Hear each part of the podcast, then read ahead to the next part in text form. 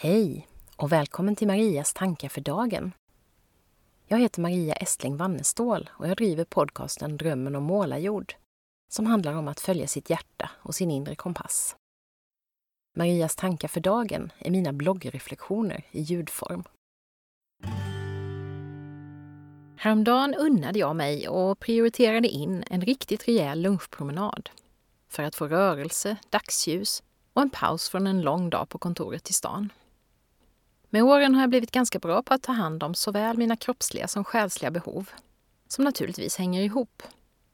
Jag mediterar, yogar, joggar, tränar body combat hemma i uterummet, kallbadar i vår sjö. Inte på grund av några måsten, utan för att jag tycker om det och känner att det gör mig gott. Samtidigt har jag upptäckt hur långt jag ofta kommer med korta aktiviteter. Att något som tar mycket tid sällan är nödvändigt. I såväl mitt arbete som privat möter jag människor som inte riktigt vet vad som får dem att må bra. Det kan exempelvis vara en anledning till att man vill gå min webbkurs, Den inre kompassen, eller anlita mig som mentor. Det finns också många som har ganska bra koll, kanske har gått kurser eller läst böcker och provat både ett och annat, men ändå har svårt att få till det där som man vet gör en gott mitt i vardagen. Det finns ju så mycket som lockar, eller drar och sliter i oss. Jobb, familj, vänner, vardagssysslor, sociala medier. I vissa fall även sånt som ett krävande anhörigskap som jag skriver om i min senaste bok.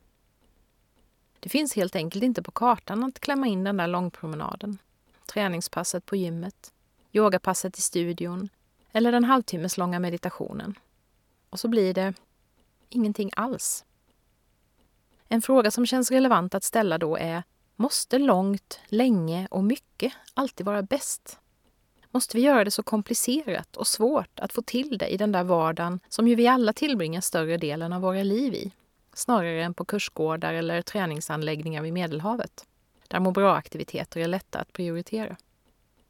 Min inre kompass, som jag kallar det som hjälper mig när jag lyssnar till kroppen och själen, inte bara till mitt intellekt, har talat om att i alla fall för just mig funkar kort och ofta minst lika bra inom allt ifrån träning till yoga och meditation. Min artroshöft mår exempelvis bättre än på mycket länge sedan jag började göra korta rehabövningar, dansa eller yoga i mina pomodoro-pauser under arbetsdagen. 25 minuters jobb, 5 minuter rörelsepaus. Under min 100 dagars runstreak-utmaning i somras, 1,6 kilometer som tog mig cirka 12 minuter, daglig jogg, kände jag inte av den alls. Det verkar helt enkelt som att någorlunda regelbundet är viktigare för mig än långt länge mycket. Så i det här fallet har jag kommit fram till att inte lyssna så mycket på vad hälsoforskare och andra gurus säger om att man behöver hålla på si och så länge för att något ska ge effekt. Det kan säkert vara så att jag skulle må ännu bättre med längre aktiviteter. Och visst kan jag älska ett långt yogapass i studion eller en två timmars promenad med min man. Men risken är stor att det inte skulle bli något av om det ständigt var sånt jag strävade efter. Det enda jag trodde gjorde någon skillnad för mitt välmående. En guru jag däremot gärna lyssnar på är min älskade online-yogalärare Adrian Mischler. Hon lägger visserligen ut en del långa yogapass på sin Youtube-kanal. Men där finns också gott om korta. Du hittar några av mina favoriter längre fram. Och i ett av dem, som handlar om att få till en liten yogastund på kontoret, Alltså precis mitt i vardagen, säger hon. Yoga is about carving out any amount of time for yourself to unite the mind and the body with the breath. Jag strävar alltså efter att karva ut en stund för det som gör gott i kropp och själ så gott som varje dag. Artrosövningar, ett litet yogapass, en meditationsstund, någon form av utomhusrörelseaktivitet. Men det handlar ganska sällan om något som tar mycket tid. Därför blir det så mycket mer lättprioriterat. Mycket hinns exempelvis med i de där pomodoro-pauserna under en arbetsdag, när jag bara kommer ihåg att sätta klockan.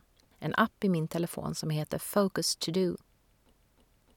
Och ska vi nu lyssna på forskningen så finns det faktiskt ett och annat som styrker tesen om att långt och länge inte alltid är bäst. En annan av mina inspirationskällor, meditationsläraren Light Watkins, skriver exempelvis att ett vanligt problem för många som börjar meditera är att de tror att man måste hålla på så länge för att det ska vara någon mening. Men han har hittat forskning som visar att upp till sådär 12 minuter gör tiden skillnad, inte därefter. Alltså har man sett lika goda effekter hos den som mediterar kort som den som sitter en halvtimme eller timme på kudden. Vad sägs om att försöka göra allt det där vi mår bra av lite enklare? Lite mindre kravfyllt? Lite mer i synk med vardagen vi lever i? Sluta ögonen och meditera en stund i väntan på bussen. Skaka rumpa en stund eller göra några yogarörelser i en paus från datorn. Ställa bilen lite längre bort och ta en promenad till kontoret. Kanske gör det minst lika mycket skillnad som ett yogapass i studion som du har stressat från jobbet för att hinna till, som min poddgäst Pa Sandberg berättar att han ofta får höra om från sina klienter. Kanske ska du skippa det där långa passet på löpbandet när du sprungit mentalt hela dagen, som en annan poddgäst, Karin Leosson, pratar om. Sätta dig en liten stund på meditationskudden istället. Jag skulle vilja avsluta med några ord från Light Watkins som jag nämnde tidigare. Det här är en text, fritt översatt och lite nedkortad, från ett av hans dagliga inspirationsbrev som jag tycker säger så mycket. Äkta meditation ser inte ut som på fotona från nätet. På människor i perfekta sittställningar på kuddar i vackra, tjusigt inredda rum eller natursköna omgivningar.